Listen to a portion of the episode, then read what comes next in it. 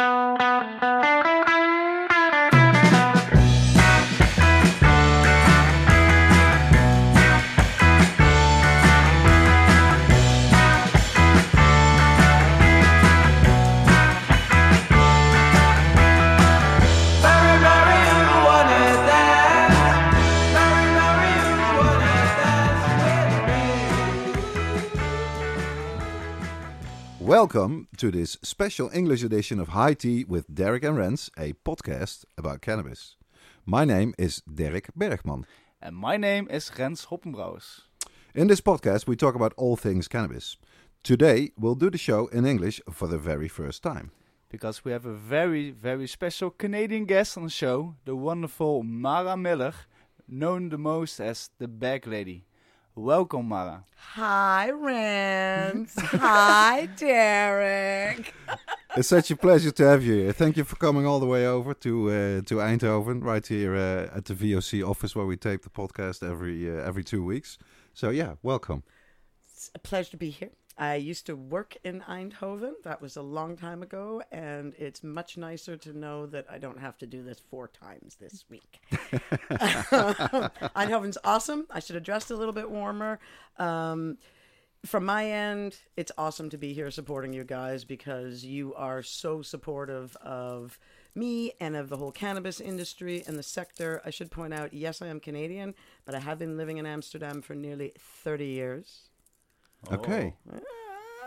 Long time, honey. So we'll get into your Eindhoven job because I'm quite uh, curious. But first, we'll uh, we'll walk the listeners, uh, also our new listeners who can now understand us because we are not uh, speaking Dutch in this episode. Run them through the episode a bit. We have four uh, segments that we do on every episode. The first one uh, we call "What's in Your Joint Today." The second one is uh, anything new, where we uh, do the cannabis news sort of uh, worldwide with a focus on uh, our own country, of course. Then we have the uh, the the segment from the archive, in which I tell uh, like a real old fart, old history, old cannabis culture. I'm older than you are, mate. back in time, going back to the to the last century, not this one. So that's fun. Uh, on this episode, I, will go into one of my first jobs actually in the cannabis industry, which was a coffee shop tester for High Life magazine. So I went all across the country uh, testing coffee shops, doing a bit of a Michelin uh, routine. That sounds like my fill my grinder kind of game, honey. That's just getting to smoke for free, yo. yep, it was. It was.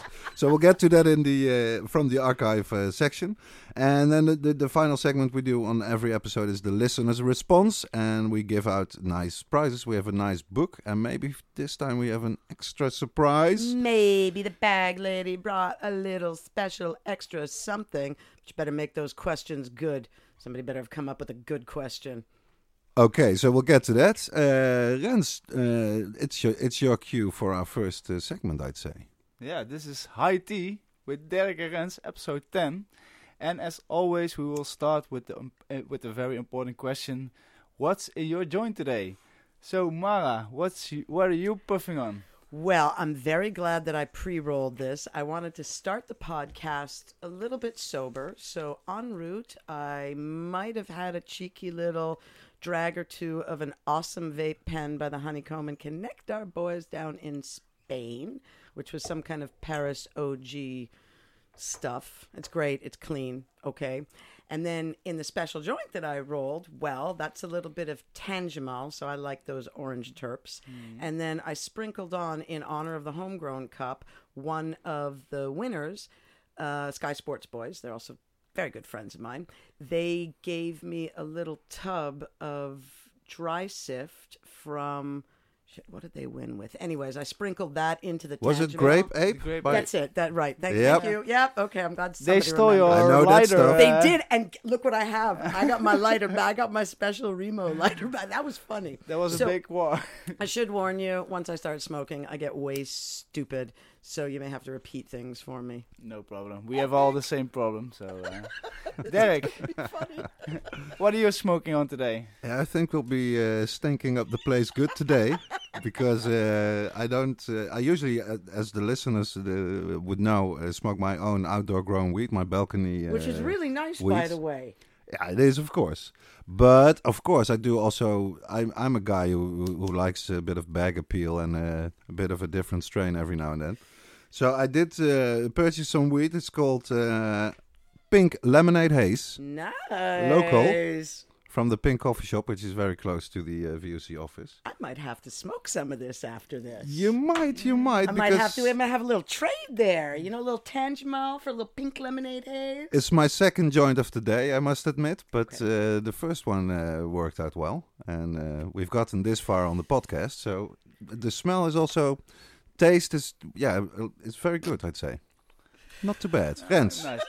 Well, what to- what are you smoking today? Well, to stay in the the homegrown uh, scene, I I, I just uh, have a, I uh, rolled a joint with some hash from the Napoleon haze from uh, OJ Nye. Oh yeah, yeah. Awesome guy, really really Very friendly humble, guy, yeah. really really. Sweet. uh, You know, it's funny because he messaged me this morning. I think he won first place at the Homegrown Cup. yeah. So we got some be. bags, and he was like, "How long do the bags last?" So I had a little chat with him this morning, and uh, I did. I got to smoke. What was it that? It was really nice. Leonidas or something. Nay, he, he it wasn't made the new Phantom crosses. one. I can't remember what it was. No, it was somebody else. That was. I remember him putting out OG, quite a lot of- Somebody else. That was from somebody yeah. else. He had out quite some uh, some glass jars. Uh, There were I some remember, and great they were all flavors, they were all man. great. The, really, the, the Homegrown Cup just keeps getting better and better. I was super Thank impressed you. by this guy. Oh, yeah, but uh, he uh, he made some excellent uh, homemade hash from it. I think it's a little bit isolated because it's very strong. Do I get to see it? Can yeah, I look? of course. Can I touch? Yes, Epic. try to make it.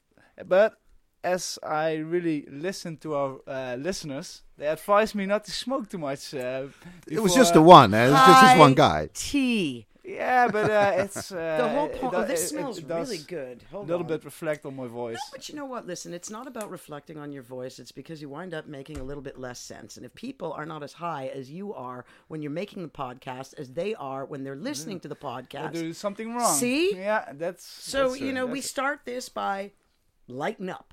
So, everybody who's going to be listening to this is going to have to have a little patience, and we recommend that you light them up. Even that one guy, uh, one of our listeners that always listens to the podcast while working out and uh, running about. Maybe you can also just start before doing his uh, sports routine by uh, just having a little spliffy I, you know and get on the right wavelength. There's different ideas about getting high before exercising. I know some really fit people who do that. Oh, I yeah. know when I was training, not a good idea for Mm-hmm. me. I'm very klutzy. I would drop a dumbbell on my foot or something, and I got enough foot issues at the moment. we stay sober when we train. When we podcast, we get baked. Actually, okay, sorry. Yeah, uh, Yeah, Honk. maybe have some uh, have some speed in it. Go to the news section because afterwards we'll we get into the real interview part where we Sin, this where we- is flow yo where we plan to go really in depth with the bag lady, and I can't wait to get to that uh, part of the show. So I suggest uh, Rens, Rens, Let's let's just do the news uh, Move it section. along. Anything new? Yes, it is. Yes, let's start off with uh, Johan van Laarhoven, all known in Holland as the old owner of the Grass Company. Yeah, you're in the Four, uh, south. beautiful coffee shops in the south of Holland, and uh, two in the Bosch and two in Tilburg. Uh, five, almost six years ago, um, uh, the government was really busy with, um, yeah, I, I Trying to nail this guy. yeah, they It wasn't uh, only just him, it was they- everybody. The thing is, hold on, I'm going to say something here. Right? You don't go to prison anywhere for five years or six years or whatever for no reason, need for nix. Hmm. You understand? That it was unfair? I'm sure it was unfair. Was he an angel? Probably bloody not. Do you know what I mean? Like, did he Well, start we- something good? I, I like, I don't know. He had a clean news slate in the Netherlands, eh? and they investigated him for a long time. They knows- couldn't nail him on anything. Yeah. He, he played by the rules. he never got What they are prosecuted. saying and what they've said all along is that he is uh, he, it's uh like a fraud with the tax that he doesn't give up all everything that he sells. Yeah, like no other bar in Holland just selling alcohol does that. But even if that is true, you, you're not put in jail if you're if you're a tax fraud. So okay, The but thing is- briefly, how did how did he get locked up there? Because Well, I know yeah, we're half gonna the explain a little bit. All right. It's an unbelievable story The what thing happened is, to they him. couldn't catch him. Hmm. There was no good evidence Yep. against him. Yep. So and he had already moved, of course, Yeah, to Thailand because yeah. he retired. He, He sold, sold the four coffee shops. And uh, But he was young, wasn't he? Nah, nah, he's, he's now already- 59. Yeah. Well, okay, so when Relatively. he was 50, I would like to be retired now myself, honey. But the thing is, like an officer of the judge of the ministry couldn't really uh, um, uh, sleep at night of it that he couldn't uh, but he couldn't him. nail him yet. Very So- obsessed. Uh, and Johan van Laarhoven moved in 2011 to Thailand Yep. with his wife, and he after he sold his coffee shop, and he really want to uh, uh, make up a big uh, good life over there. But the thing is, they really uh, send a message to the Thai government, like, "Hey, watch this guy. He's We are uh, investigating him for large-scale and, uh, drug Watch dealing. Watch this drug criminal. Yeah. Okay. He's building houses Yep. with drugs money Yep. and laundry and uh, all those things. No things. mention of coffee shops. No mention no, that he no, had a they, they- license. They, they, they made the story suit the, what they wanted to do, but how did the? But it gets worse because what happens? Not much happens after the first letter. So the guy gets frustrated even more. Then he says his wife Tukta, which before they said it was only like a, a witness, now she's also prosecuted here. Go start an investigation. They they literally said it. Go start a criminal investigation into the, this into Thai the couple. lady Yeah. and the couple. Okay. She had nothing to do with anything. She's still in jail, which is the. This was, of course, fantastic news because a lot of people worked very hard. Yeah, we didn't explain the story Yeah, yet to get- already, but he's finally back in Holland. Yeah, so the, yeah. the the Thai the, the Thai government basically said, or the Thai judge said, oh, this guy uh, he had all the drug dealing, so he gets 104 years in jail. And the jail in Thailand, you're sitting in 30 square meters with yeah, 30 no, people. that I've, I've heard. Uh, It's just terrible terrible. stories. Sure. Yeah, and there's no bed, there's no nothing, there's no toilets, it's there's a- a bucket. It's just It's crazy a bad situation. jail, you know. Very Like medieval. Holland, the Co- jails here are cockroaches. nice. You Yeah. wanna, you want to go to jail here? I mean, I've seen. But no, no coffee shop owner ever goes to jail in the Netherlands because even the judges here, if you have like too a large inventory, inventory, which is not by the rules, They, they, take will your still, money. Yeah, but they, They still can't- put you yeah. in jail. No, of course not. So they this hit was you in the, they hit you in this the, was in just the really one one big tragedy, but it took years, and there, th- th- we have to mention her. I think there was only one member of parliament who really uh, stood up for Johan van Laarhoven and his wife, which was Vera Bergkamp, Yeah. also quite well known because she made uh, the wheat law proposal, etc., etc. She was the one that kept uh, asking questions to the minister, keeping on the case, uh, giving interviews about it. And then finally, it was last year that uh, our national ombudsman he did an official uh, investigation into the case, and he really concluded that things had gone badly wrong. That that, that the Dutch government made really made a lot of mistakes, and totally lost perspective of the of the of what what what would happen to the couple. that they were able Because there was also a military government who just came into power months Thailand- before the Thailand letters. has got a history of complicated political stuff. Oh yeah, especially in the last 10 years. It's been complicated. The thing that's amazing is that somehow, I mean, somehow, um, he's back in Holland and that his wife is still locked up.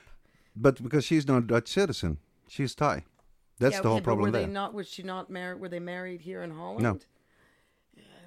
It's very that yeah. that's no, what's but still. this is this is the kind of stuff that happens all the time. I mean, really. But with, for this uh, guy, what what was super special about the case, I think it never ever happened in Dutch history, is that our Minister of Justice he traveled to Thailand, talked to the Prime Minister and the Minister of Justice there, so the highest level. That's what I mean. Something big had to happen to get. Yeah. You get convicted for drugs in Thailand, you can just wave That's your it. life goodbye. Yeah, yeah, but sure. people people were really afraid, and I think with reason that he would die in jail because he all kinds of diseases. There, was no medical help when he was in the Thai jail.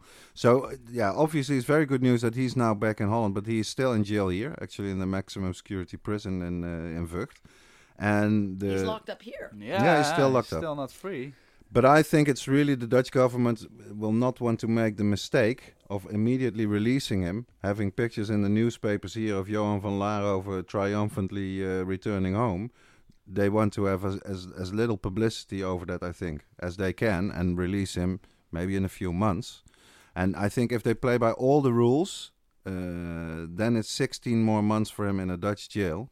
But hopefully they'll they'll, uh, they'll give him some kind Instead of. of, uh, 80 years Hey, in a Thai that's prison. Of course. obviously, So you know, like, look, Yep. he's out of Thailand, one. You know, So Thailand's that's nice. positive news, and we will get Good back news. to it. Uh, the next thing, the Liberal Party D66, and we mentioned uh, the um, the head of it, of the like, how you say that, the the yeah, she does the drug policy The for the party, Vera the, Bergkamp. uh, the D66. Uh, they published a drugs uh, a drug manifesto calling for regulation for all illegal drugs. And yeah, Derek, Yeah, y- you know more about this? In a way, it's interesting. There were rumors about this going on before it was uh, published. Uh, so D66 is always the party.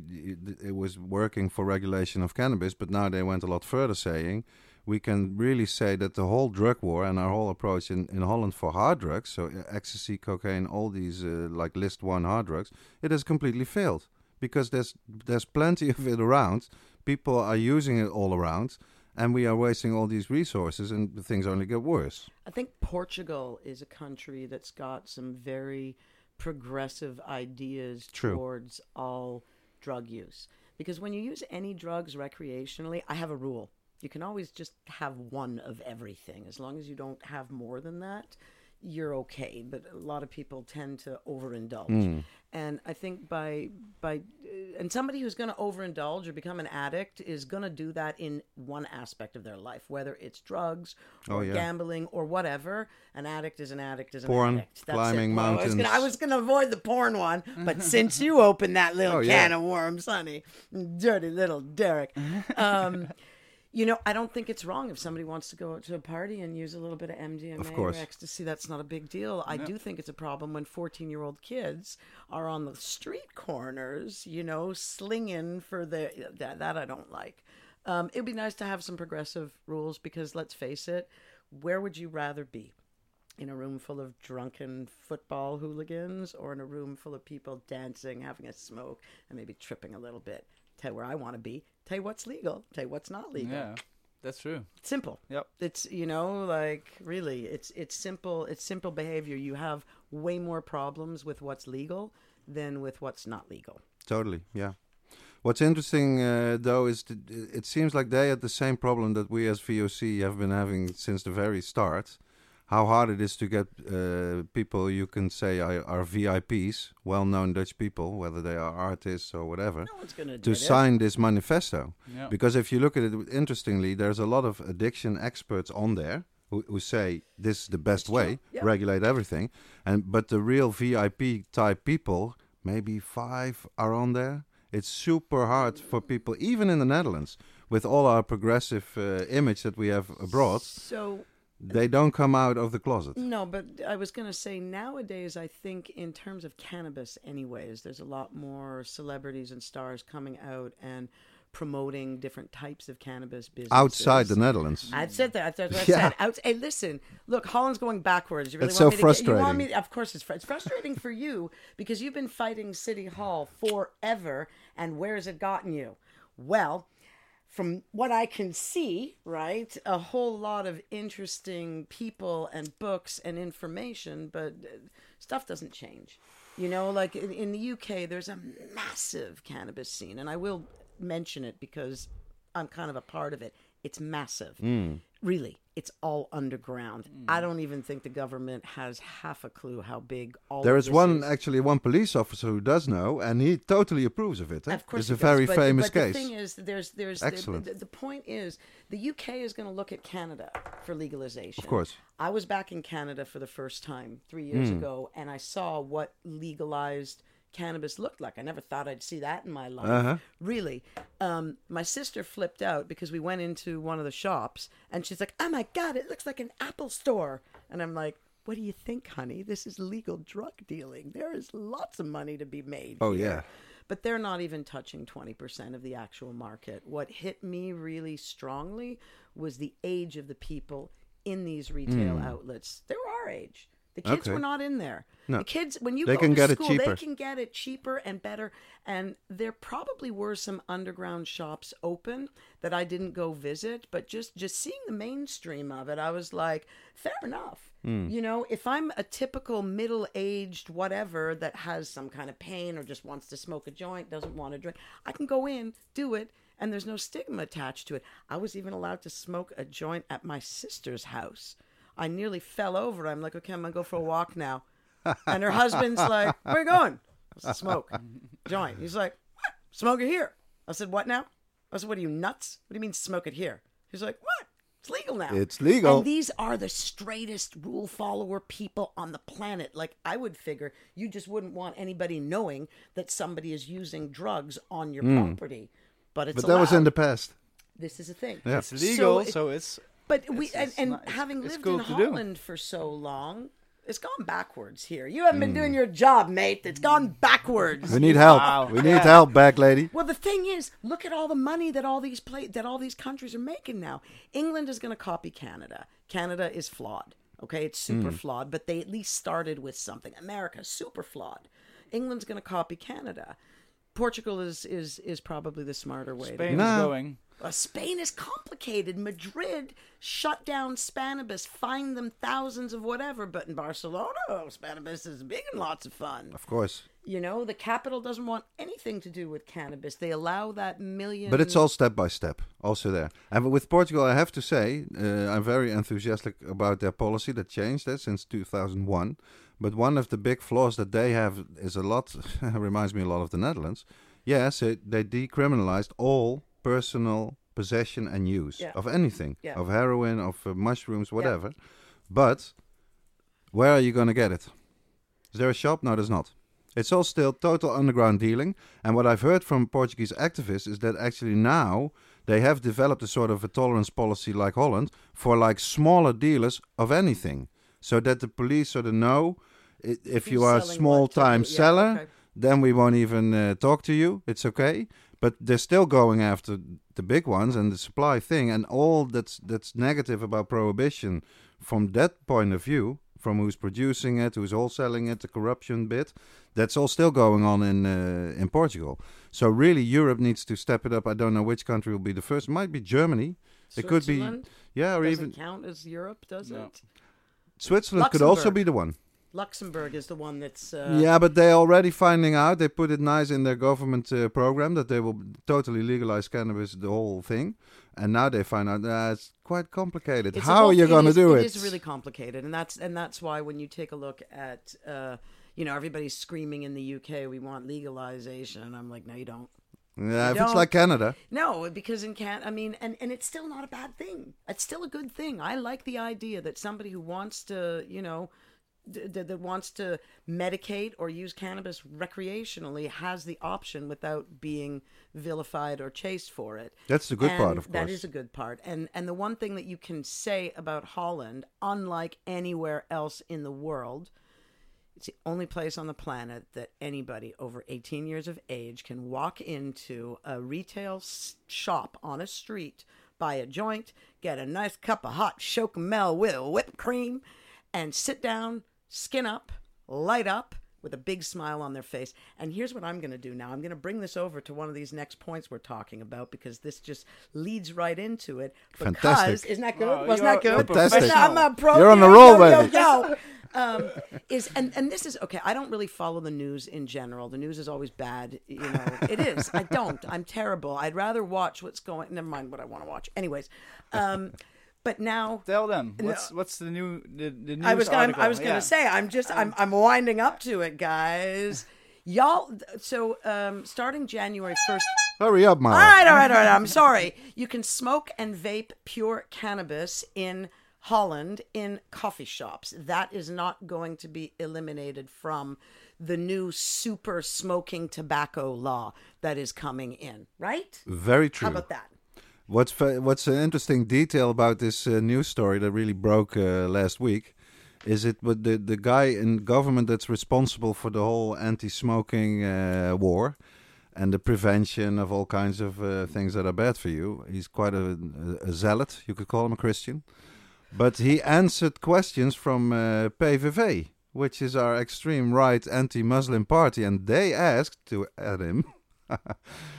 Ah, does this new change of the law when you're tightening the policy, does that also go for smoking pure cannabis and also the water pipe uh, tobacco?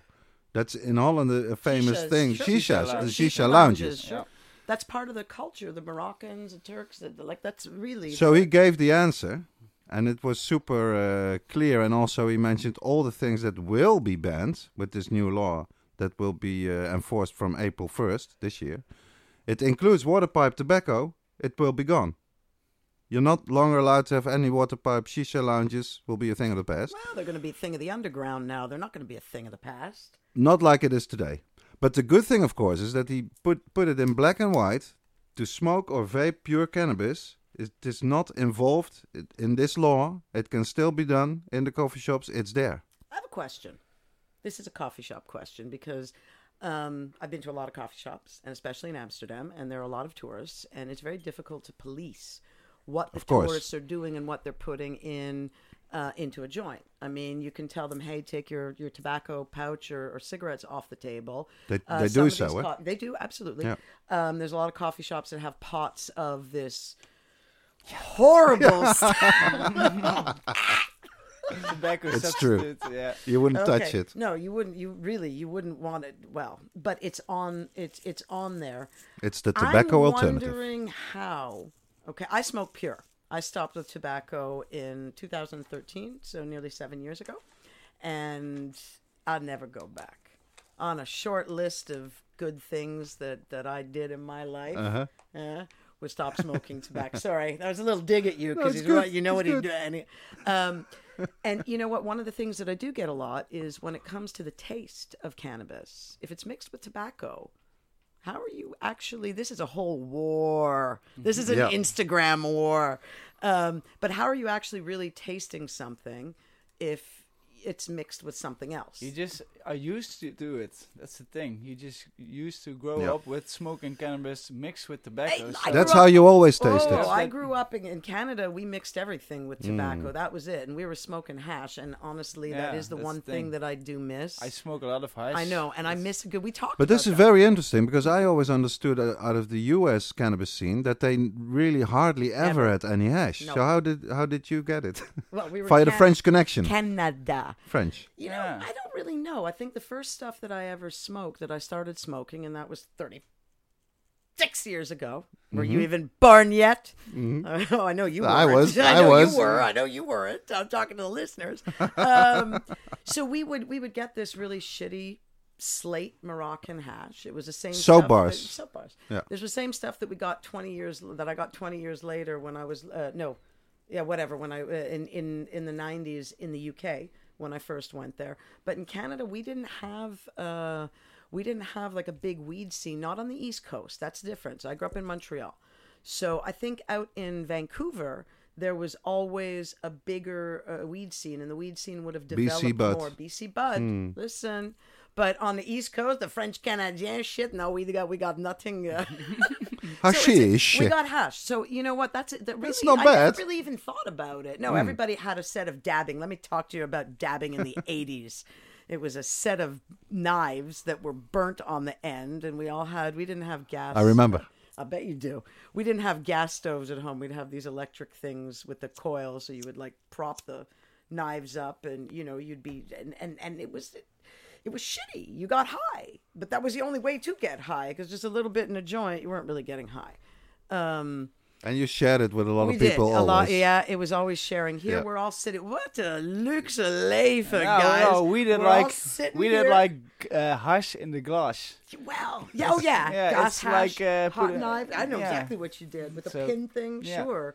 Oh, we did. We we did. We've done some. Uh, but anyways, back to the the tobacco thing. You know what? Um, it's a s- it's a savior savior uh, if you if I can say it like this Mm. because uh, if they would ban off all the smoking material uh, from also included the coffee shops, it would really end the the they really, had no choice. how you say that the the scene The and social aspect, yeah. really, of the coffee shops. They don't care, but the thing is, they don't care about the. Hold on a minute.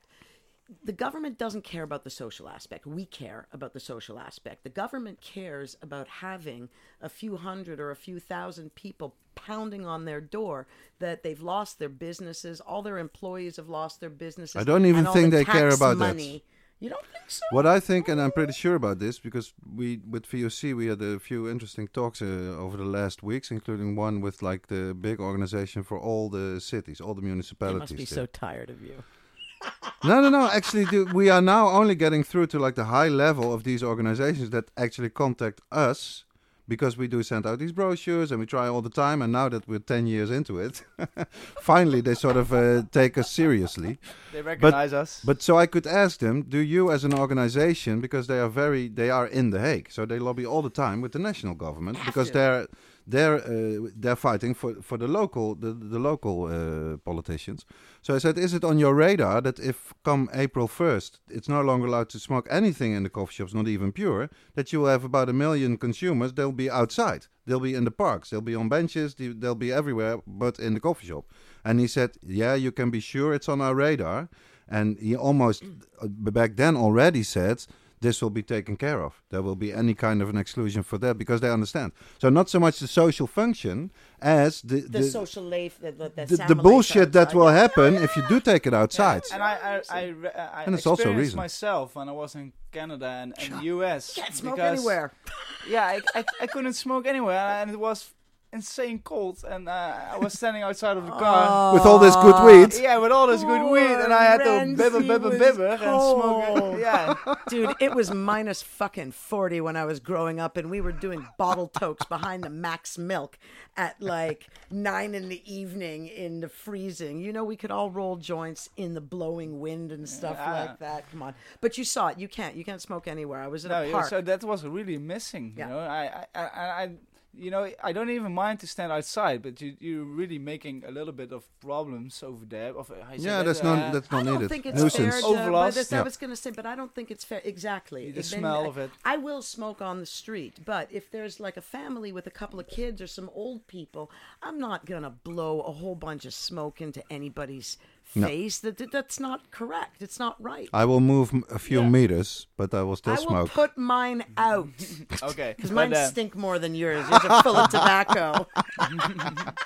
but and they recognize the smell. overall, it's familiar overall, to them. it's a good thing for the coffee shops. It's uh, at least Totally. a little thing they can really rely on. And, Yep. they- and it has to be like a little change for the smokers. They have to just smoke pure, but it's better than with tobacco. So good thing. We'll all see what good thing. happens in Amsterdam. Can I ask you a favor? I gotta Always. ask you a favor. This this next point on the list has to do with CBD. Can I respectfully request that we don't discuss anything to do with CBD on this episode? Could we please do that? Pretty please.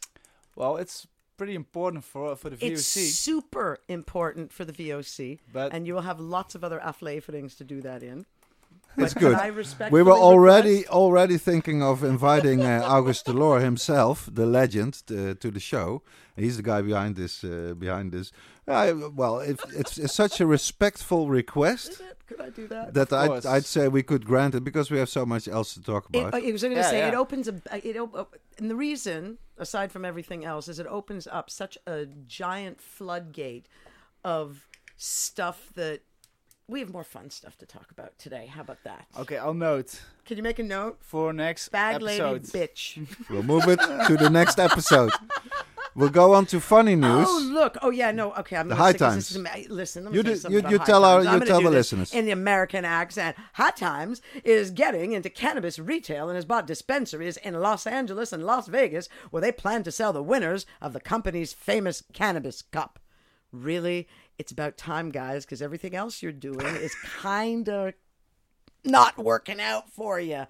Good on you for being publishing for this many years. Good on you for putting on this many events and whatever. But honestly, for the pioneers in this industry, of course you were going to do this. What took you so long, guys? That's Really? my point. Hey, I've been to Vegas. Let's just go times. sell weed. Let's just go. I mean, you all. The, what were you waiting for? Really? What were you waiting for? That's Yeah, where all the money is. I just told like Derek, uh, me and Mauro from the Homegrown Cup were already talking about these things. You know, that's the first thing what comes on on your mind if you were ta- if you're having a cup and you have Sell all the those winners. Yeah, make a collection of them. And you and want to people seed want company. The thing is, one winners, of the, you the really interesting things about exactly this in coffee shops, right? If seed companies are smart, you want to make sure your weed is in the coffee shops for people to come in so they go, oh, damn. This is epic weed. Where can I buy the seeds for this? And Yeah. then you're just holding the seeds up in front of the Here they are. Well, right here. Get you know? growing. Done. Get, Get it- growing. get it Grow your own. Ah, if you only we could make up the rules. eh? I listen. If we, we- we're pretty adept at breaking them, it's all about not getting caught, not being greedy, not getting caught. Simple, you know. Um, anyways, look, we Rens and I had the opportunity to get high together in Las Vegas, as a matter of fact, at the Mm-hmm. MJ BizCon, while I was recording another podcast with my good buddy. he was cool, right? Come on, Mm, yeah, you can't yeah, tell me that. sure. Uh, Who? Who? Who? the uh, Jay from the Uptown Grow Lab. You need Okay. to meet him. Okay. He's an O G than than than us. He's an O or O O G. But he's uh, he's great fun, and we were outside and we were smoking. But it's unbelievable what goes on in Vegas. Really, like you walk into these dispensaries, and okay, I said the ones in Canada were nice. I you did you go to Planet Thirteen? I was It's 24 I hours. know what you were going to say, and that's why I was leading it in because I, didn't. I, I go to a smaller one that you know doesn't have such big lineups, but right? Yeah, I, I visited the two biggest ones, the, the Reef and Planet 13, and they were like next to each other, almost in the same street. So that was really easy to find.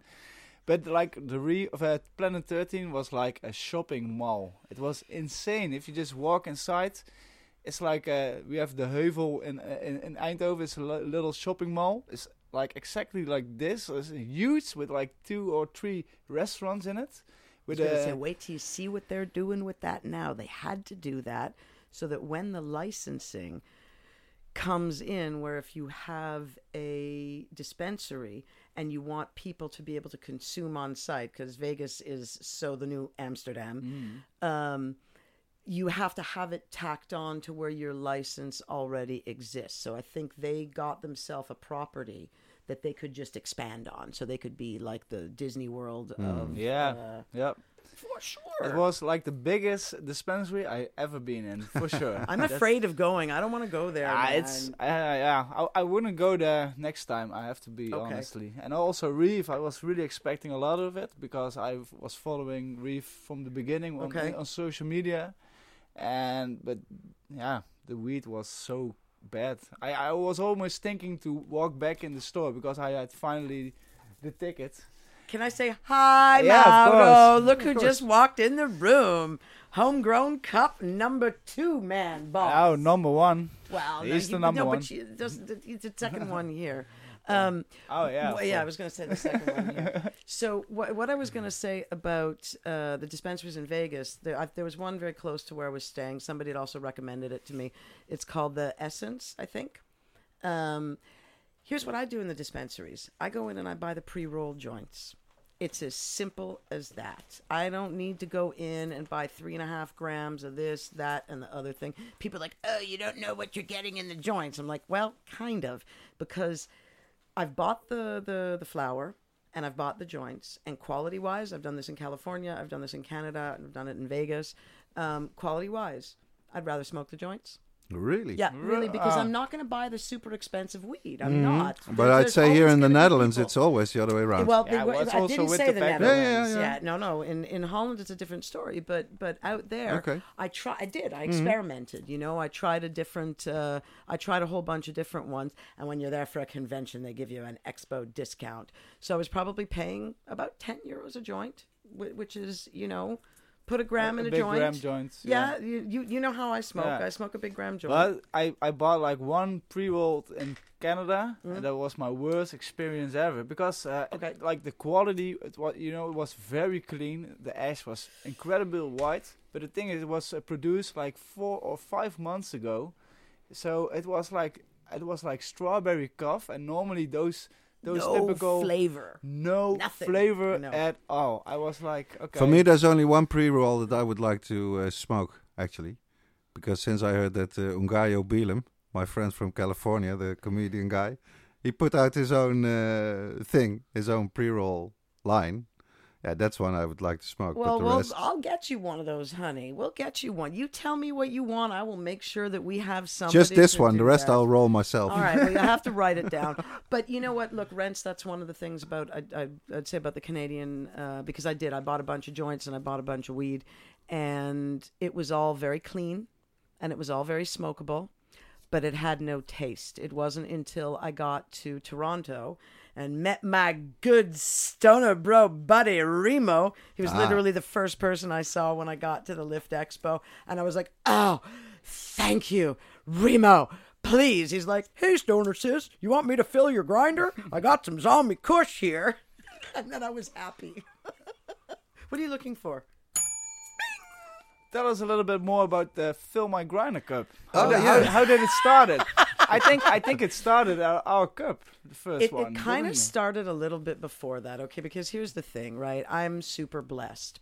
Super blessed. People give me stuff all the time. Great. Thank you. Blessed. Lovely. Um, and at some point, it started becoming a joke between me and a few other people where every time I'd see them, I'd be like, come on. Put, put my put something in my grinder, and then it became kind of a hashtag. Like, come on, fill my grinder, right? And people are like, "Well, what is that?" I'm like, "Oh, it's a game. Do you want to know how it works?" But like, here's how it works: you fill my grinder, I grind, I roll, I smoke, and I win every motherfucking time, honey. okay. Which and okay, to understand that this is done with growers, breeders, trappers, people who have It worked when you tried it with me. Dude, But you're what are you? Do you grow wheat? Oh, yeah. Thank you. So, and it did. And I'm never greedy. I only want one grinder fill.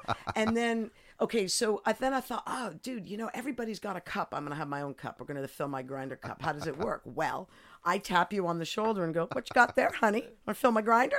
And then here's the thing I would do it all the time, but I get so fucking high after the third joint, I forget to keep track of who's who I have an Instagram page. There's 500 followers on it just because I've, you know, I, that's something that I would actually like to, to, to work more on because I think, look, But I remember last time at the Homegrown Cup, you I had did. a all neat I was. I was administration where you super was organized. writing down was. the I did. strain And names. I'm Getting able professional. To do it. I had to Oh, yeah. because it was a homegrown cup. Like I had to be at least as professional as what these guys were doing. but at Spannabis, that's not possible. Ah, no. People are literally throwing weed at Too me, much you know, chaos. like it is. It's chaos and oof. Three days of chaos. um, But the thing that I like about it is, look, you know, first of all, it means that I'm I'm I'm a big fan of supporting growers and breeders. So this grown here, not flown here. I don't care if you've got the best Cali weed on the planet in your uh, in your bag. If I've got a grower or a breeder sat beside me with something they've done, I don't care if they're a beginning grower, if they're experienced or whatever. The best weed I ever smoke is when I've got the guy that that had the hand Yep. in producing it. Period. That's all. And I'm going to give respect to a beginning grower. Why not? You know, mm-hmm. like there's nothing wrong with that. Oh, is that your first crop? It's like, well, honey, you've got a little bit of experience to gain, but you know, it's different when when when somebody like Karma or or Lady Sativa, you know, I expect that shit to be fucking perfect off shelf, everything. And it always is, right? It reminds me of uh, what Doug Fine always does before he lights up anything. Uh, he's, he always thanks the grower before lighting up. Uh, Doug Fine. He's an American author. He wrote a few books. One really nice about uh, about cannabis is called uh, "Too High to Fail," Okay. and we had him over at Cannabis Liberation Day one year, I think the last one. And uh, he's a friend of mine, real funny Super guy. humble. He's like a real, yeah, he's a farmer, but also a jour- he's a journalist turned farmer. And then hemp farmer, and he, he smokes weed, but he doesn't grow the weed to smoke. He grows the he grows the hemp variety, but it's great. He has a solar powered farm, and he has the goats there, and fantastic guy. The producers that grow with love, yeah, the producers, the, the producers, the cultivators, the people that grow with love. They're growing for the love of the plant, for the love of the that. That's what you want. That's different. I mean, you know, and th- the other thing is, look, there's another thing that's going on in Canada. I'm going back to the Canada thing. So, uh, one of the best Canadian growers, breeders, whatever, also good friend, is Matt, the Great Gardener. Matt has got. Uh, I'm I'm all into orange terpy stuff, guys. If it tastes orange, I'm your girl. And he's got a strain called Orange Barb. Barb but they've got their own LP now, so a license. They're, they're they're their own licensed producer now. I believe is how this is working, and you know their goal is we're gonna bring the type of weed that we like to smoke, the underground weed, up into the mainstream, so that you know it's not only. Um, what these dispensaries have this dry old whatever that's been that doesn't conserve its flavor you, you know what i mean? So like mad respect for everybody who's growing and breeding and mad disrespect for all your dirty little trappers out there that just get a bag of amnesia or Stardawg and put a new fancy name on it and call it something Oh, that runs. ever piss me off Yeah, you know I will. Are we taking a deep breath and having a pause here? Is that like What do No, you no, we go straight into All the right, next what uh, do we have? The old box. Ik ben ook een oude doos. We go right to the archive uh, section, I'd say. Oh, you have maybe a good questions, a good question for Mara. For archives. I mean, Yeah, why what don't I, write what I that? was wondering about, of course, uh, we didn't ask the obvious question: How did you uh, end up working in the cannabis industry? But I'd like to take it even a bit uh, further back than that. Uh, what kind of a child were you, and also what kind of a child? How would you d- describe your childhood? Here's the thing. Um, In if my Montreal. parents, I was going to say, if my parents thought I was a handful at five and at 15, they should catch me at 50. I'm glad they're not around to see this. Um, here's the thing, right? I wouldn't. Ooh, sorry, problem, bang! no No, I'm. I'm hitting things. I'm No sorry. I'm problem, no talking about my childhood. I want to hit myself a little bit. You are a bad person. So I didn't sleep. My mother couldn't get me to sleep. Like at seven months old, she would take me out in minus 30 weather in the stroller because I just wouldn't sleep. I'd be up. When I was a teenager, oh, those were fun times. We'd have internet back then. If I'm up in the middle of the night and I felt like talking, I would call in Yep. radio shows. I did. I would call up and I would talk to the DJs. I swear. So the talking at at nine months old, I was already speaking full sentences.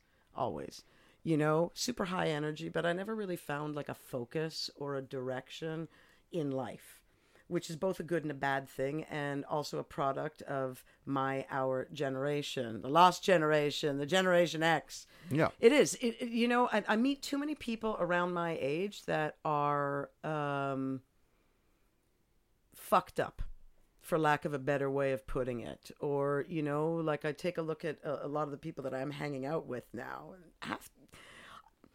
I'm hanging out with a lot of people that are 20 years younger than me. I'm having the best time as well. And sometimes I'm like, man, why do they want to hang out with me? And then I'm like, the entirety of the UK cannabis scene can't just be being polite. They pick me up at airports, they invite me to all these things. Like, we have a really, really good time. So, when I was 15, I'm trying to think, how old were you? Here's a good question. We'll segue into this. How old were you guys when you smoked your first joint? It's always a good subject. Yeah. That's a very good subject. Yep. Uh, shall we start with the youngest guy? Obviously. Well, my first, I, I got raised up in the skateboard industry, in skateboard scene. Yep. So I was, I when I was 12, 13, I already had a lot of friends that were 30, and they were already smoking. But they always told me like, Rens, you can smoke when you're 18, but not now. And but I, I was respecting that. So my first joint was like with my schoolmates, uh, and that was like, and I could already roll a joint because I saw it uh, my whole uh, like for seven years already, but I never smoked a joint. So and at at the age of 17, 18, and I really thought like, okay, my friends around me are smoking now. I can really try it also. And from the start, I really got hooked. That's old though. 17, 18 Yeah, is yeah. old, especially in Holland for experimenting with drugs. You know, that- Absolutely. that, Yeah, seems and, th- old. and to then it was new to me. They, I really got explained very well, and I knew like, okay, this is cannabis. It's, it's very nice, but hey, don't don't use it already. Just start at 17, 18 when you're a little bit older. It's and interesting because what's your age exactly? now I'm, I'm 30.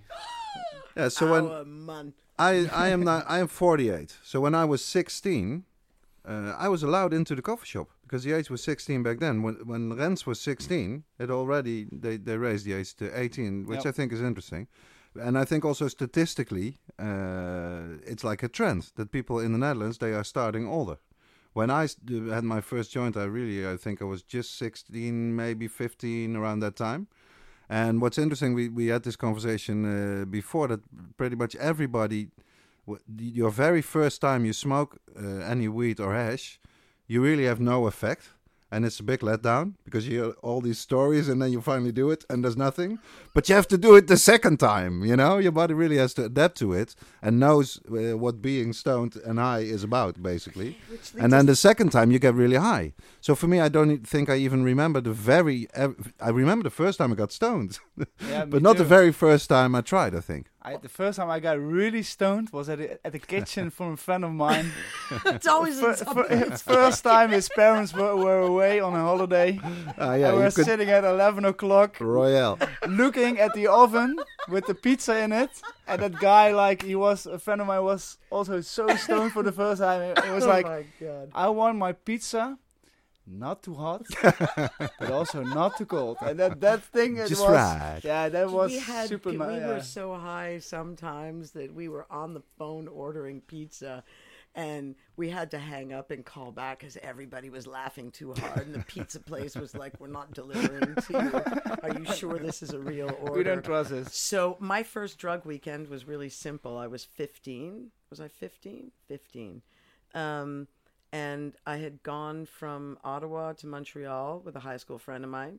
My cousin was out of town for the weekend, and because I was such a mature 15 year old, we were allowed to stay at her house. What they didn't know is that me and my gal pal had a plan, which involved dropping a hit acid the first night and smoking a joint the second night. We didn't know what order we were going to do it in, but we had weed and acid, and that we were going to do drugs in Montreal.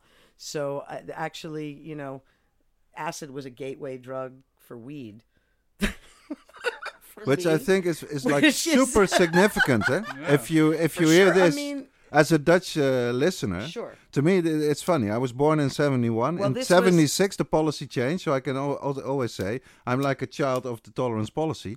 And there is the big divide here in the Netherlands. Still, I would say, although maybe it changed over the years, but such a big difference between cannabis on the one side and all the other illegal drugs, like in, including LSD, on the other side. But the thing is, okay, so the year was 1984, I would imagine. I uh, I turned 50 last year, and we didn't have anything in Canada other than hash, mushrooms, And LSD, yeah. and that was it. There were no fancy designer Uh-huh. drugs. This was, you know, this was kind of middle class Canada. There were no gangs. There was no. But would you come into contact, in, for instance, with like speed or cocaine? That No. Okay. No, I really didn't. So The psychedelics, yeah. basically, So just those psychedelics, and, yeah. I think the first time that I that I that I tried anything other than cannabis, mushrooms, or LSD was in um, 1992 when Mm-hmm. I first came to Europe, and I was in London for the first four six months. But that first week that I was there, I met these people that I'd met in Canada. I was to, anyways. We went to a rave, and I'd never, we'd never had ecstasy in Canada before. Somebody had, and it was know- still the good times, I'd say, for well, raves. here's the For raves, here's yeah. the thing, right? So I think it's very different when you try a drug at 14 or 15 than when you try a drug in your 20s.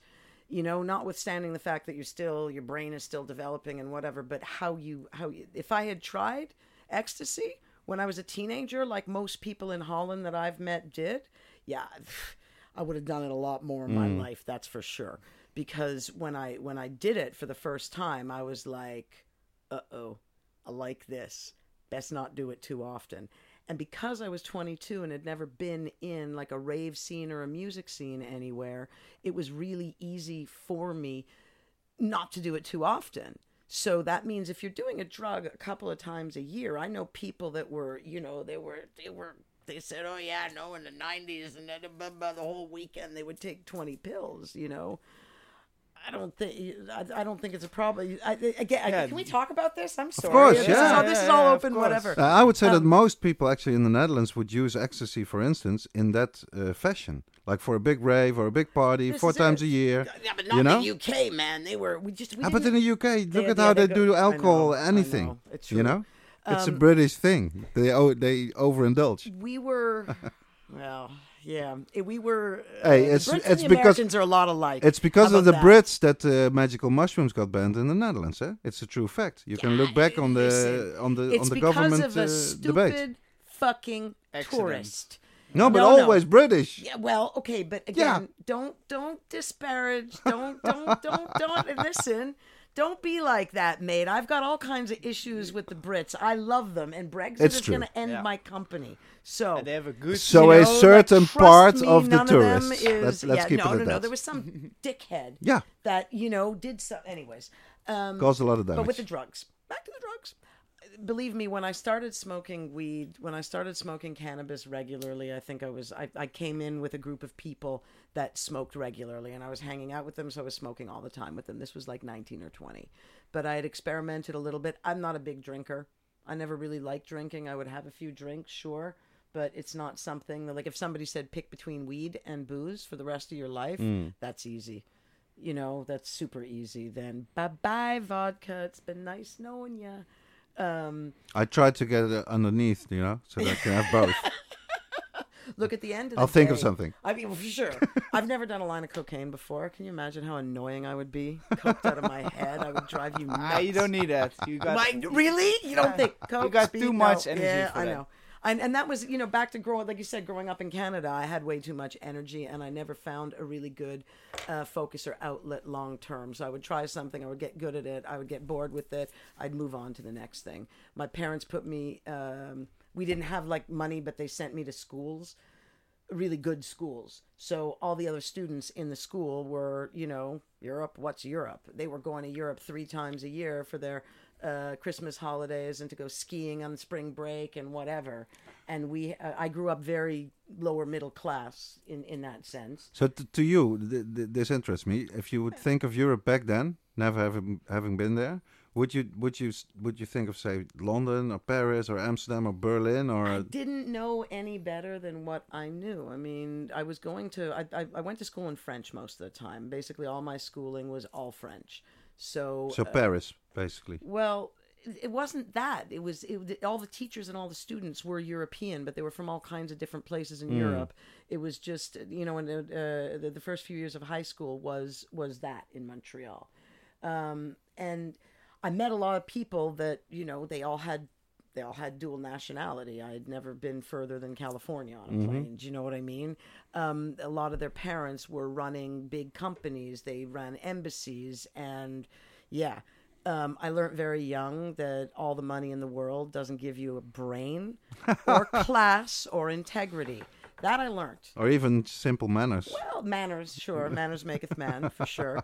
Um, but I learned that really young. And it doesn't matter who you are. You, you get cut, you bleed red. So it doesn't matter what your background is, if you come from money or no money. Everybody makes a choice when they're when they're over 18, over 21, if you want to put it like that. You make a choice of how you want to live. You know, and uh, your background notwithstanding, you can choose to continue patterns. And I just, I came from a good family. That's it. I came from a nice family, but by the time I was 17, I was done with school. I was like, I make more money working. Bullshit. And I was running clothing stores. I ran like five clothing stores. I was doing all the buying for them, all the bookkeeping, all the everything. And then when I was, and I went to night school. I did, uh, I did Spanish and Italian at night school just because Comes in par- handy. No, my parents got really pissed off. I didn't really finish high school. They didn't like that. ah, they always want the best for you. Well, you know what? And the thing is, look, at the end of the day, now, right? The, the schooling that I did, that base schooling, that everything in French, introducing Spanish, introducing Latin, putting me in schools where, you know, I was challenged, I suppose. And I, yeah, that was a really good for me to speak all the time, constantly, all the languages. So so how did Europe happen? When wh- why and when did you go? i said that's it i'm done i'm going i want to go my mother's father so my my mother's my grandfather was from stockport in england so i was a quarter northern and i was able to yeah, i can't do it i can't do it a lot i was able to get um, through your maternal paternal grandfather or something they had a thing where you could get a work permit so I had a work permit to work in the UK for four or five years, five years or something. And that was my first stop. I thought, yeah, I'll go. I'll get a job. That's that. And I worked at a pub for nearly six months. And while I was there, I came to Amsterdam to visit for the first time. I think I flew into, I can tell you when it was. It was February 2nd, 1992. I remember getting on the plane mm-hmm. to Brussels. And I thought after two days in Brussels, if the rest of Europe is like this, I'm going home. That's- I did. And then I went to Bruges, and then it was okay. Yep. And then after Bruges, I went to London and was there for like six months. And then while I was in London, I came to Amsterdam for the first time, really early on. Like it would have been March 1992. I came and met friends, and that was that. Do you remember the first ever? Which one was the first ever coffee shop you walked Absolutely. into? Absolutely. Mm-hmm. Yeah. Oh yeah, no, I remember Tell the first joint. The first, the first joint I smoked. Let's was- go. With the first joint I smoked was in the Hotel Groenendaal on the Court in Nieuwendijk because we got up there and they were like, "Oh," I was like, "Weed," and they're like, "We have some here." So the first bag of weed that I bought in Amsterdam was actually from a little hotel. Later on, I was running a little hotel and I was selling weed in there as well because off coffee shop. happens as well. There's an underground even when there's a, a, a legal Overground, market, and yep. that's okay. I respect the underground as well. And then I believe the first coffee shop we went into after that was the Bluebird. I know not no that li- uh, Blue lie- Lagoon. Bulldog. Oh, Ah, Sorry, Okay. In the red light district, the old one, old like one. the first one, the original one, and the Bluebird was like the second one. Hmm. uh, you know, um, uh, I worked in a coffee shop. I worked in a shop called the Picasso at the top of that. Ah, I remember you? I worked there for years. I also baked. So yeah, This is a real nice segue into the old box, eh? It is. It's my old. We're doing my old books. This I was going to say this. I'm like, okay, today we're skipping Derek's old box because this old box has a really old box to um, no, I did. I was a dealer. We weren't bud tenders. We sold you drugs. We were dealers. Oh yeah, and a big space. I just cakes. liked the sound of the word "bud tennis." I'm sure you I do. like it honey. too. Yeah. But I'm- tender. I know, but again, It's again, friendly. yeah. It's so mainstream. I'm not a drugs though. dealer. I'm just well, okay. And again, you can look at it any way you want. Yeah, I I, was a dealer. Yeah, I I, think a dealer is badass, man. I want my street cred. A bud tender. Oh yes, well this particular terpene profile is fuck that. Do you want White Widow, Super Skunk, Northern Lights, or Orange Bud, or do you want this hash or that hash? Wait, I gotta chase a cockroach around with the hash knife. That's what it was like, really. You know, I got told. Oh, even better, the owner. Oh, he was such a. Oh, this was not a nice guy. That aside, um, I got in trouble for being too nice to people. Where I come from, when a customer comes in, you're nice. Hi, how you doing? You know, blah, blah. Oh, you can't do that with Dutch people in Amsterdam. Takes Amsterdam. time. Gewoon koffie regelen en die wiet geven en je hoeft niks meer te zeggen. Oh, is that seriously? That's don't be so nice to people. So that's where it goes wrong.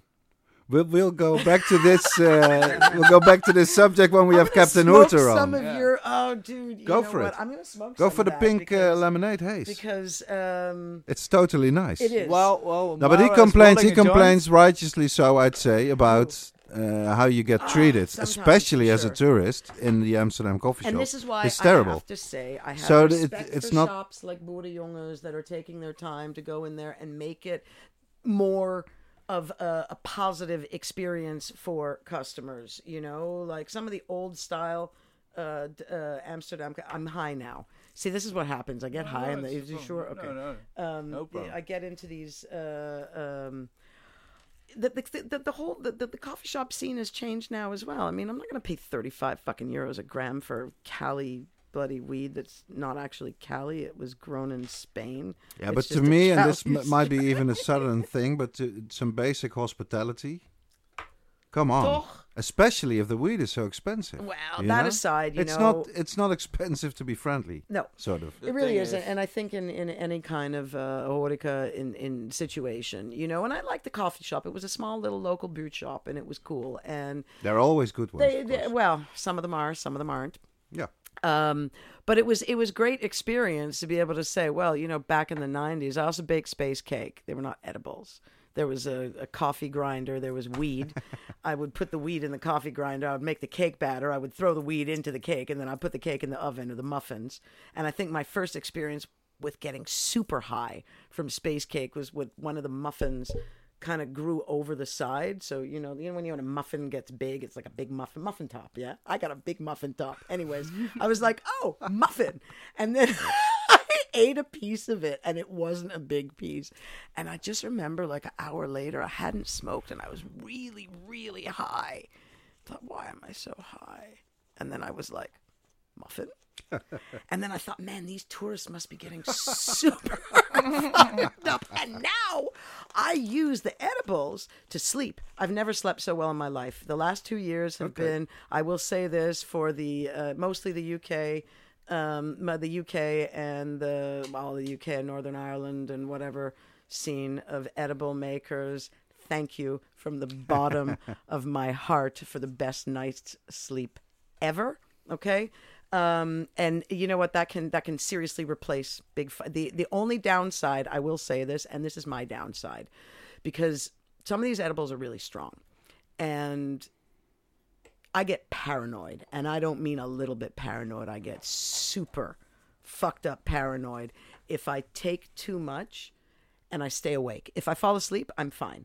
But if I stay awake, I'm finished and I'll sit on the bed and I'll be like, oh my God, everybody hates me and I'm going to have a heart attack and no, really like crazy, crazy stuff.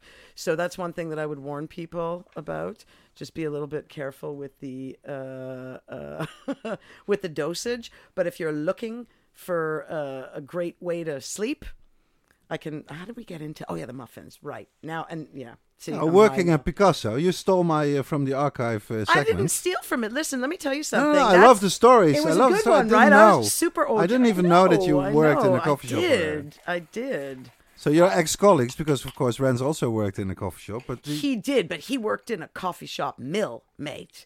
That place was busy, super busy. Yeah? super busy, super busy, super fancy. But and- Picasso on Haarlemmerstraat, I think, eh, in Amsterdam. yes, sir. A lot of tourists must have been back then as well. It wasn't back in Crazy the day. Let me now. tell you something about the Haarlemmerstraat back in the day. If you went down past the Prinsengracht, so like 200 meters up the road, it was dangerous. Where Barney's True. originally was, it was full of junkies. It was like it was like the Zeedijk in in the, Yep, the in the beginning of the millennium. You know, like whatever. Yeah, and and then it was sketchy. And I worked at a little hotel hostel there. There were there was a whole bunch of other coffee shops.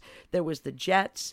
There was in the days before the greenhouse. Yeah, wait, wait, that's up the road. We're not there yet. When the greenhouse was not the was not there before, there was a coffee shop called the Blue Velvet, I believe. Yeah, I remember that place. That was great fun. This smells really good. This pink lemonade, honey.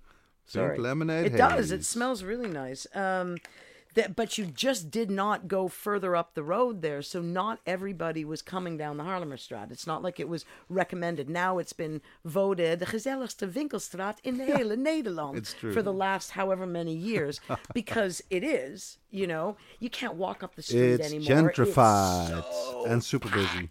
Yep. constant. I live around the corner from there, so uh, still, and um, so it wasn't actually that that crazy busy. And we were open super early in the morning. At eight in the morning, Hmm. we had a deal where you could come in, and if you bought twenty five guilders worth of weed, which is about ten euros worth of weed at this point, um, you would get a free breakfast. So you would get a hard boiled egg and some toast and ham and cheese and a coffee. I think I actually did that weed, once because And I love probab- and I breakfast. probably made it for it wasn't English. It was Dutch. It was just bread and cheese and toast and peanut butter. Do we have peanut butter? I don't know.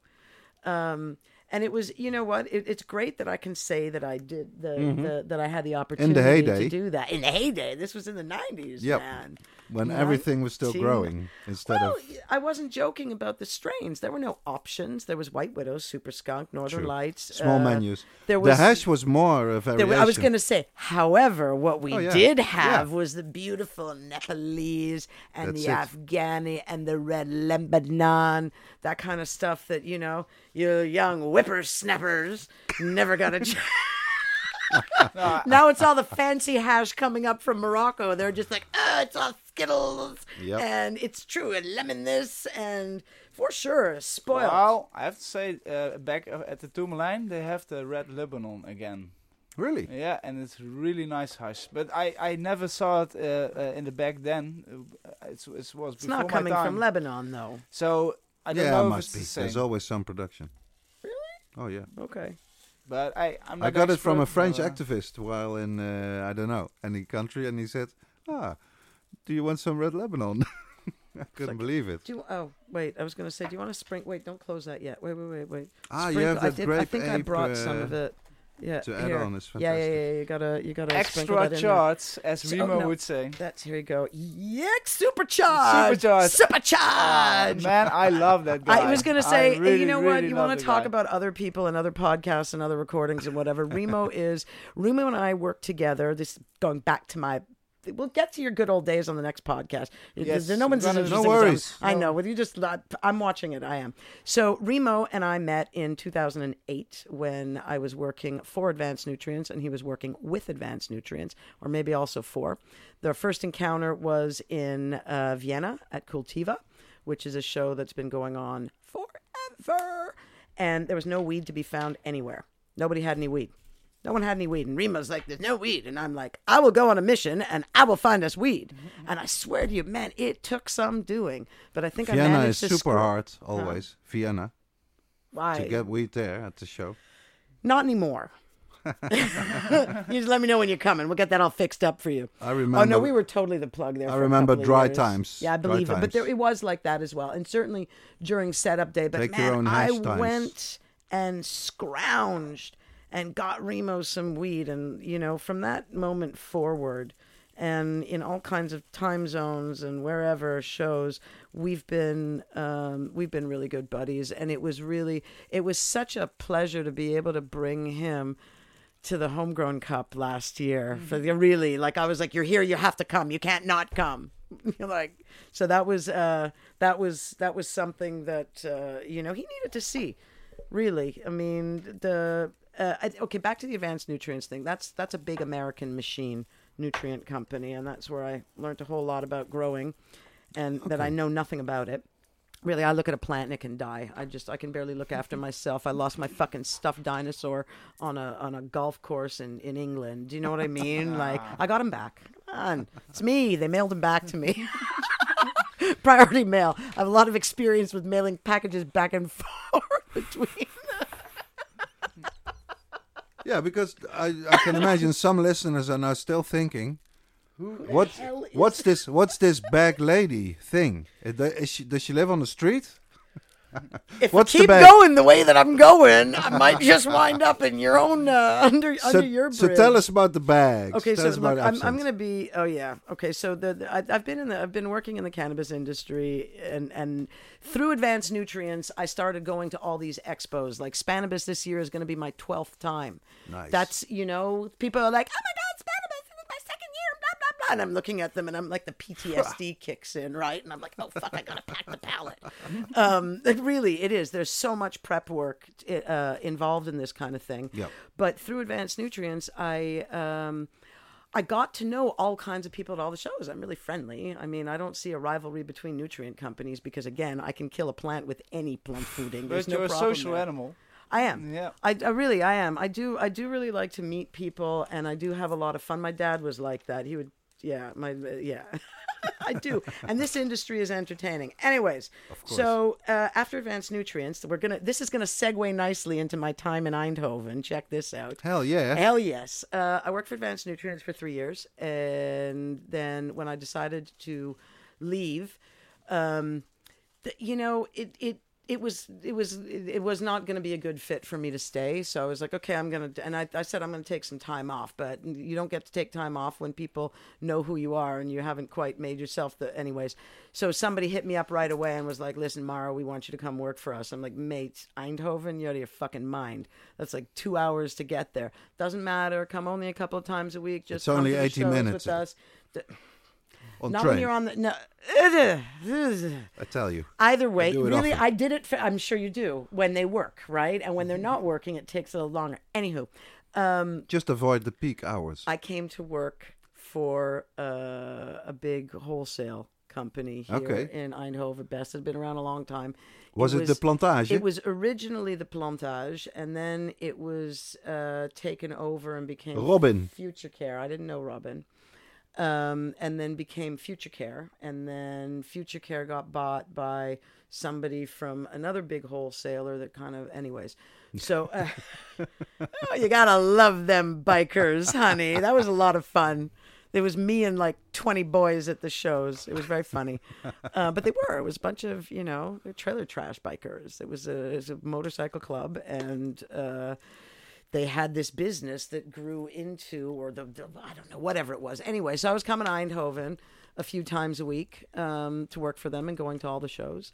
And because it was a wholesale, like before with Advanced Nutrients, you only get to meet other the people that you know and know about nutrient companies, but with a big wholesaler, that's everything you supply to a grow shop to grow plants. So I had to learn way too much stuff that has no bearing on anything that I can do better or properly than anybody who is already doing it. Um, but I got to meet a shit to all the suppliers, all the everybody. They would drag me to all the shows because that's where I'm lots of fun. Anywho, um, after I left them, and I stopped working there because uh, it was it was two dead parents, one after the other, a year apart. And when my mom passed away, I, I had been planning on leaving anyways. I was going to go to Thailand. See, this all comes right round to everything. Yeah. Um, and I stopped working there at the end of 2004, 13. Yeah, I'm watching 2013. And then I took time off because listen, when you when you have these type of emotional traumas and then there was a broken foot as well. Uh, so there was too much. I took a couple of years off, and then when it was time to kind of okay, I really should do something now. I went to Spannabis in 2015 with the intention of being like, okay, I'm going to see who's here and I'm going to see who's going to hire me, and it's all going to be epic, and somebody will give me a job. But it was the first Spannabis in 12 years that I wasn't actually working. So guess what I did? Oh, I partied like a. that was it. I was like, fuck finding a job, man. I inherited some money. I'm not working. it was fun. Oh, it was loads of fun. Um, and then after that, for 420, I was in America, in Denver, at the High Times Cannabis Cup with the Devil's Harvest Seeds. I was helping giving them a hand. Um, and I stumbled on these bags and I was like, what are these things? Because the people who were selling them knew me from shows in Europe because sometimes I show up dressed as a giant frog, but that's a whole other story. the pictures are funny. You can post that. Anyways, um, these bags, these, and I like bags anyways. Before I even started, and I was like, wait a second, what now? Oh yeah, they're smell proof. I'm like, can I just take? I'll, I'll be back. And I took one of the toiletry bags, and I went over to my buddy, grower, breeder, and I was like, smell proof. And the first thing out of his mouth was, do they, I can't remember if it was, do they work or do they make them bigger? I'm not sure which of the, and I thought, well, do they work? They're here with this booth with these people that I like and trust and whatever, so I'm guessing they work. And do they make them bigger? I don't know. Let me go back and find out. And they certainly did make them bigger. And, you know, long story short, there's all kinds of new products, especially developing in this market eh, through North America, through America. But all I kept, I kept thinking bad things. I was like, smell proof. We don't have anything like this in Europe. Carbon lined.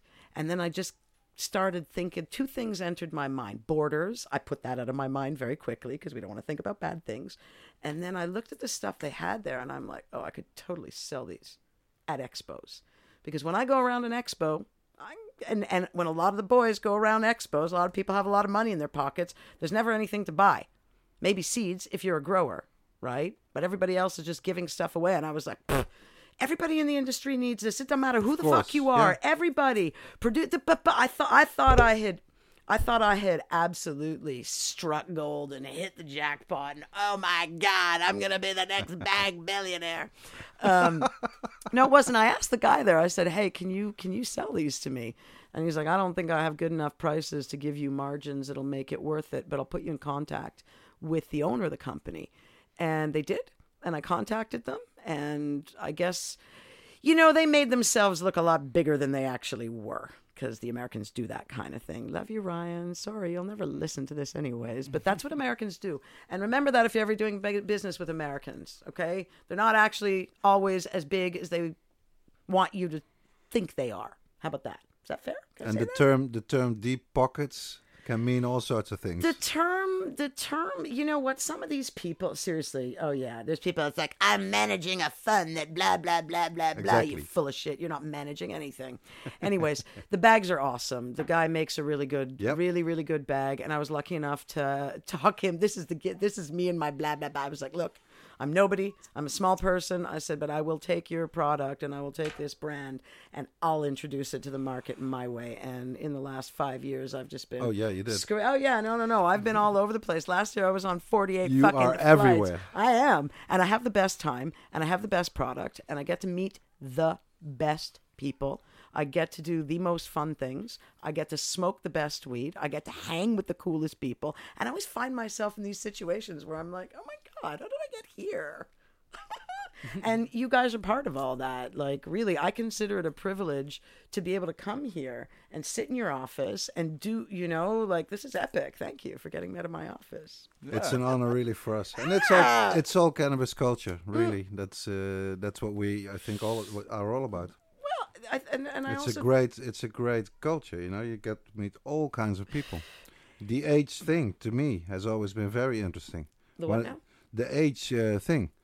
A lot of my friends are smoking friends are like over 80 that I've had in my life. Really old people. You can really call them old. But there's no there's no barrier whatsoever, and it works the other way too. When I'm- cannabis can cannabis breaks through all kinds of barriers. Really? A perfect example is Northern Ireland. You know, Mm. I've been there and I got driven around and I get super looked after.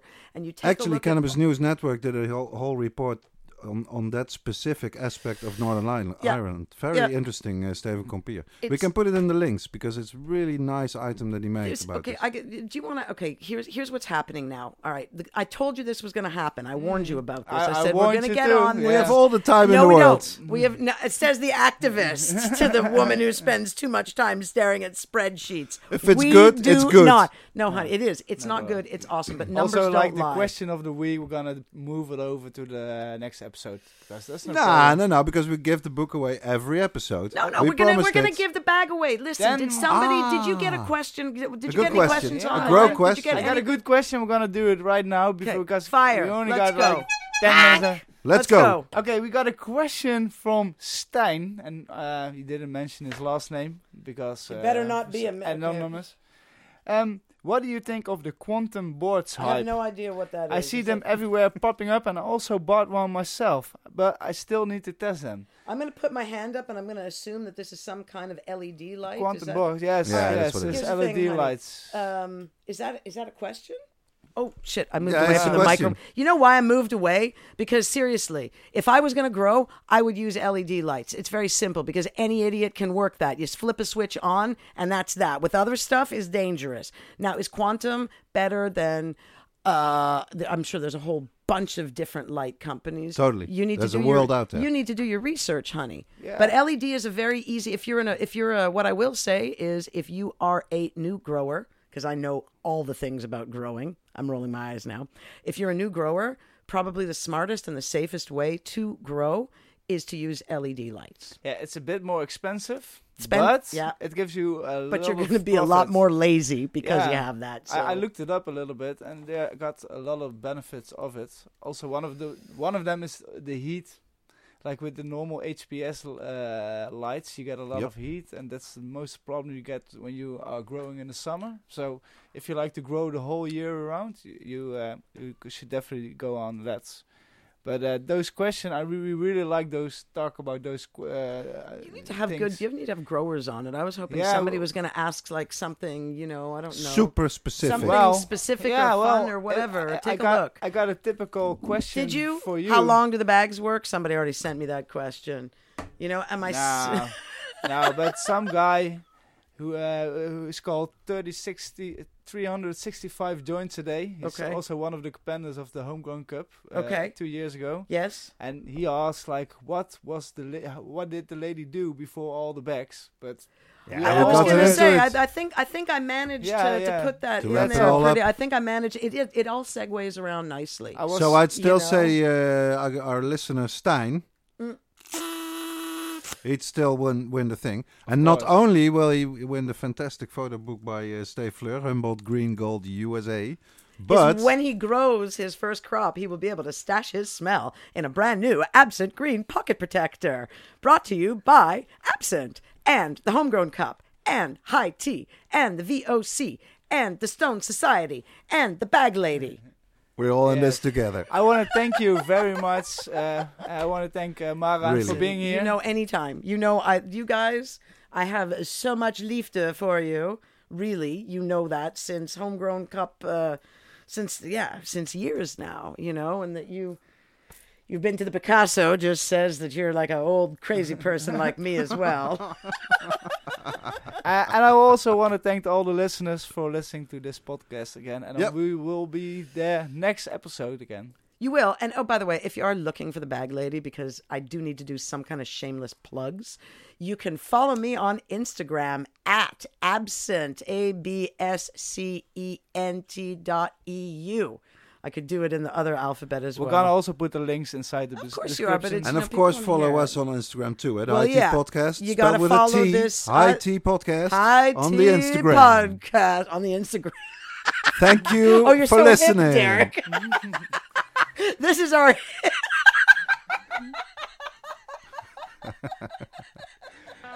See you next episode. Bye bye.